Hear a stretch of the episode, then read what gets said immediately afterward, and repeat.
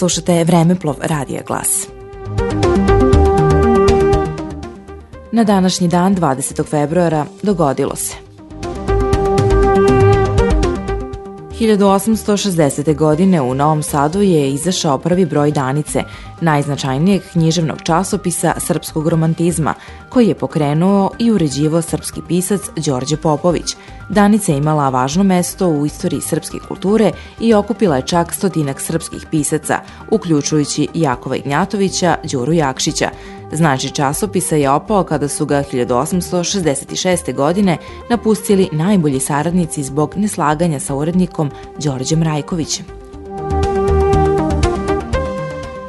1867. godine rođen je srpski pesnik Milorad Mitrović, autor lirskih pesama, balada i romansi, satiričar i dramski pisac. Diplomirao je na Pravnom fakultetu u Beogradu i kao činovnik je radio u Užicu, Čačku, Mionici, Smederevu i Knjaževcu. Posle prevrata 1903. godine postao je sekretar apelacionog suda u Beogradu. Počeo je da piše pod uticajem Vojislava Ilića i prvu zbirku je objavio 1899. godine pod naslovom Knjiga ljubavi. Naročito su bile popularne njegove pesme Don Ramiro, Papučica, Sigurna pesma. Neke su i komponovane, poput pesme Bila jednom, ruža jedna. Napisao je i fragmente tragedije Despot Lazar Branković.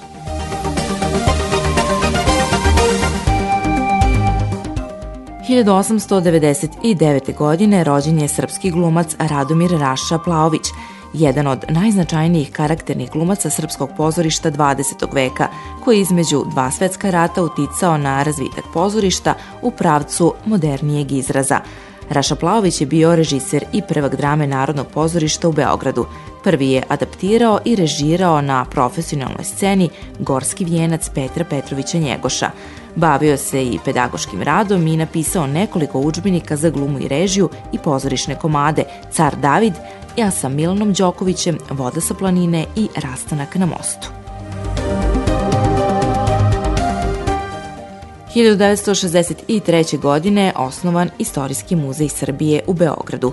Istorijski muzej Srbije je muzejska ustanova kompleksnog tipa koja ima zadatak da prikuplja, čuva, izučava, stručno i naučno omrađuje materijalna svedočanstva istorije Srbije, održava i popunjava muzejske zbirke kao informacije i dokumentaciju o njima i čini ih dostupnim javnosti – Zadatak muzeja je da na odgovoran i stručan način kroz muzejske postavke artikuliše i interpretira znanja o prošlosti Srbije i srpskog naroda, kao i ostalih naroda i kultura na teritoriji Srbije i ostvaruje komunikaciju javnosti sa nacionalnom istorijskom baštinom.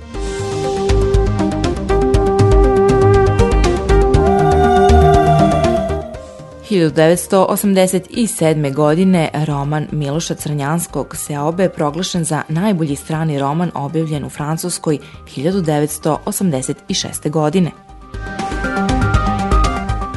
Odmah po objavljivanju roman dobije nagradu Srpske akademije nauka i umetnosti, a tokom decenija postaje jedno od temeljnih dela u svakoj kućnoj biblioteci. Doživao je brojna strana izdanja – U preplitanju živopisnih likova, prizora i događaja i smenjivanju ironičnih, tragičnih i grotesknih perspektiva ispisuje se najoriginalnije stranice u srpskoj pripovednoj književnosti. Roman se obe Miloša Crnjanskog se sastoji iz dva dela koje su nastali u različito vreme. Prvi se pojavljuje 1929. godine, a drugi 1962. godine. Seobe iz 1929. godine istovremeno predstavljaju porodični roman Tri lika i nacionalni roman o Srbima u Habsburškoj monarhiji u vreme Marije Terezije.